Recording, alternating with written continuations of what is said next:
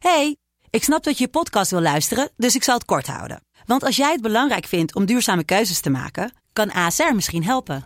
Nou hoor ik je denken, hoe dan? Nou, bijvoorbeeld bij het duurzaam herstellen van schade. Of de premies die we beleggen volgens ons duurzaam beleggingsbeleid. Dat bepaalt waar we wel en juist niet in investeren. Wil je meer weten over welke duurzame keuzes ASR maakt? Ga dan naar asr.nl slash duurzame keuzes. ASR doet het. Zo, dan kan je nu lekker naar je podcast luisteren. Dit is iets nieuws. Goedemorgen. Goedemorgen. Goedemorgen. Je klinkt opgewekt en uitgerust. Dat heeft een reden. Ik ben gisteren zo vroeg gaan slapen dat om vier uur opstaan eigenlijk gewoon voelde al als uitslapen. Heb je ook pap op? Eh, ja, Lekker. hoor je dat? Ja, het plakt nog een beetje aan je gehemelte. Dat is zo, maar goed. eh, Maar dat is gewoon aangeboren, hè? dus dan kan ik je verder niet meer lastigvallen. Leuk dat je ook vraagt naar hoe ik geslapen heb. Ik was heel sensitief vanochtend. Heb je het ook wel eens dat je wakker wordt en heb je ineens een liedje in je hoofd uit het niks? ja, heel vaak. Ik had een liedje van David Bowie in mijn hoofd. Van, eh, ik weet niet hoe het heet, van Major Tom. Zou ik misschien een stukje mogen horen? Wil je het horen? Nou, daar ben ik wel heel benieuwd naar, ja. Komt-ie. This is Magic Tom to ground control. I'm stepping through the door, and I'm floating in a most peculiar way. And the stars look very different today. Dat was het? Zo. Heb je wel eens kippenvel op je kippenvel gehad? Nee. Nou, dat heb Het is ik nu. duetkippenvel. Ik heb nu kippenvel op mijn kippenvel. Dit is echt Lekker man. heel bijzonder. Ziet er wel goor uit, denk ik. Zullen we beginnen? Ja, Het is vandaag dinsdag. Nee, sorry. Het is vandaag donderdag 6 oktober 2022 alweer. Of tenminste, dat was het al heel lang. Maar de donderdag is vandaag voor het eerst. Tenminste, de 6 oktober. De 168-jarige Johan Remkes is vandaag naar buiten gekomen met zijn lang verwachte stikstofadviezen. Ja, en heeft geholpen? Hij wil 5 tot 600 grote vervuilers tussen aanhalingstekens beëindigen en vooralsnog 2030 aanhouden als deadline om de stikstofuitstoot te halveren. Nou, sorry hoor, maar ik heb niet zo'n hoge pet op van deze verbinder Johan. Hij stinkt ook heel erg naar check en naar tandsteen als je naast hem staat. En hij ziet eruit als een lijkdrager die al lang met pensioen had moeten gaan. En wat zegt hij nou eigenlijk, Willem? Dat hij de wanhoop in de ogen van de boer heeft gezien. Ja, en hoe zit het met de wanhoop in, in al die dieren in de bio-industrie die dagelijks geslacht moeten worden en waarvan 70, 80 procent voor de export is? Waar is die wanhoop te zien? Dat weet ik niet. En waar is de wanhoop te zien in de ogen van de kleine kinderen die, die later onder water moeten leven? Nou, even doorpakken, Remkes. Die check even opzij doen. En je, en je, en je fucking vieze smerige gebit een keer poetsen. Of naar de mondhygiënist te gaan. Je vieze gele stinkcheck-tanden van je. Ja, en de boel even laten bleken.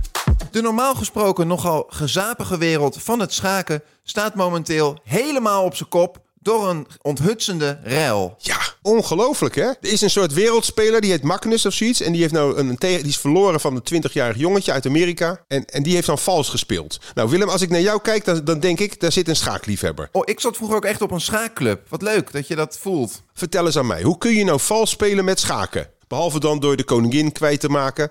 Of, of door tegen het bord aan te stoten. Eh, ja, dat zijn twee bekende tactieken. Maar eh, het gaat natuurlijk vaak om online eh, partijen. Ja, maar dat is even een ander verhaal. Maar ik bedoel, als je gewoon live zit te spelen. Er wordt gesproken van anale kralen op afstand bestuurbaar. Ja. Maar hoe maak je via je poepetje duidelijk welke set je moet doen? Ja. E4 naar E8. Hoe dan? Hoe dan? Dat weten, we, dat weten wij niet. Maar ik denk, je kan toch allemaal trillingen en codes... en dat helemaal instuderen en een heel ingewikkeld systeem. Precies. Heel goed, Willem. Ik heb even geappt met een vriend die heel veel weet over schaken. En het is dus inderdaad, zoals jij zegt, met trillen.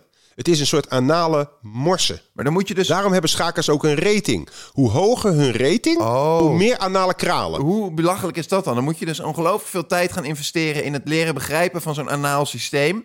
En die tijd had je ook kunnen steken in gewoon fatsoenlijk leren schaken. Precies, en dan is het ook nog eens heel erg dat de schaakcomputer... die is dus beter dan welke grootmeester dan ook. Weet je wat ik van schaken vind, Maxim? Ik vind een walgelijke sport. Doe mij maar voetbal. Dat zijn tenminste frisse figuren. En wat denk je van tennis of boksen? Daar kan toch ook niet een machine winnen van de mens? Of althans nog niet. Kijk, in seks heb je ook al een ding, hè? de magic wand. Ik weet niet of je die kent. Ja. Nou, daar kunnen wij ook niet meer tegenop met onze tong. Ik ga nog verder dan ik net al ging. Schaken is het zwijn onder de denksporten. Dat is mooi gezegd. Je hebt bij het schaken ook allerlei openingen, net als bij de mens. Wat weet jij bijvoorbeeld van de Siciliaanse opening? Of de aangenomen Damgebied? De aange- Dat is een gesloten opening overigens. dat zijn hele gesloten, droge, wat schurende, zanderige openingen. Hollands is half Russische gesloten. president Vladimir Poetin is de oorlog in Oekraïne keihard aan het verliezen.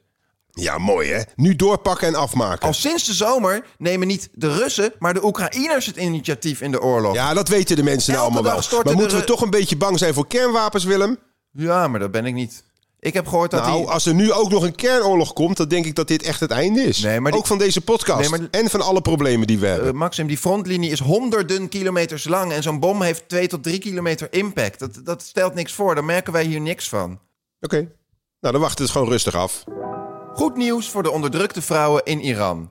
Maar liefst, maar liefst 50 beroemde Franse actrices en zangeressen hebben in een video een klein lokje van hun haar afgeknipt. Oh, een klein lokje. Ik dacht dat ze echt, echt eh, Kaal een kort pittig kapsel. Nou, dat ook weer niet, maar een kort pittig kapsel hadden genomen. Nee, dat zijn kleine lokjes die afgeknipt zijn. Oh, het is gewoon symbolisch. Het is een, eh, een heel krachtig symbool. En de vrouwen kijken er ook heel ernstig bij. En er zit een aangrijpende Franse versie van het beroemde lied Bella Ciao onder de beelden. Maar ik vind het wel goed dat, ze, dat die feministes nu het kwaad bij de wortel aanpakken. En niet zeiken over hun eigen positie. Van we verdienen niet hetzelfde. We hebben een glazen plafond. We hebben geen gelijke kansen. Ga eerst eens de echte problemen oplossen in de wereld als feminist. En ga eens naar dat soort tyfuslanden. En ga daar de rechten van de vrouw eens een keer opeisen. Dat vind ik heel goed. Bravo. Maar wat vind jij er nou van als vrouwen dan symbolisch een lokje gaan afknippen? Is het niet ook heel ijdel? Heeft dat echt zin? Waarom ook niet meteen alle sieraden en make-up wegflikkeren? Dat zou veel meer impact hebben. Het duurt niet lang meer of wonen op het water is net zo normaal als wonen op het land. Want het heeft te maken met die stijgende zeespiegel. En dan is een drijvende woning eigenlijk het slimste wat je kunt doen. Ja. Want het maakt niet uit hoe hoog, hoe hoog de zeespiegel stijgt. Je huisje gaat gewoon maar lekker mee omhoog. Of dat we in bomen gaan leven. Dat je als een, als, als, als een specht gaat wonen. In tiny hu- huizen. En ik vind dat we meer euthanasie moeten hebben. Lang leven de vrijwillige euthanasie. Dan zijn er misschien honderdduizenden, misschien wel ruim een miljoen mensen die het leven niet meer zien zitten in Nederland. Willem? Ja, Die zwaar depressief zijn, die aan de medicijnen zitten. Het is echt waar. We kunnen ook. is euthanasie niet een, goede manier om en het stikstofprobleem en het woningtekort en de overbevolking en ongelooflijk veel leed door eh, dat mensen gewoon Absoluut. vervelend We kunnen gewoon omdenken en iedereen een handje helpen.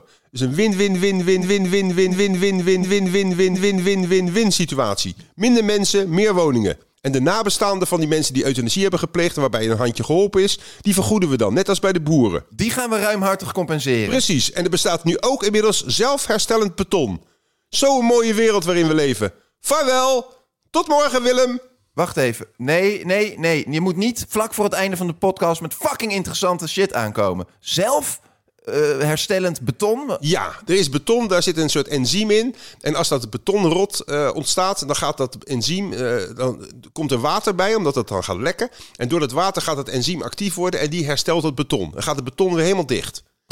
Jongen, we staan aan de vooravond van zulke fantastische dingen. Dus nog even volhouden, jongens en meisjes. Het is kut nu, we zitten in de hel. Maar even volhouden, want we komen uiteindelijk in het paradijs. Ik ben ervan overtuigd. Is het niet ook een leuk idee om sowieso in de podcast meer aandacht te, te hebben voor beton? Dat lijkt me een uitstekend idee. En containers. Ja. Mijn dag kan niet meer stuk.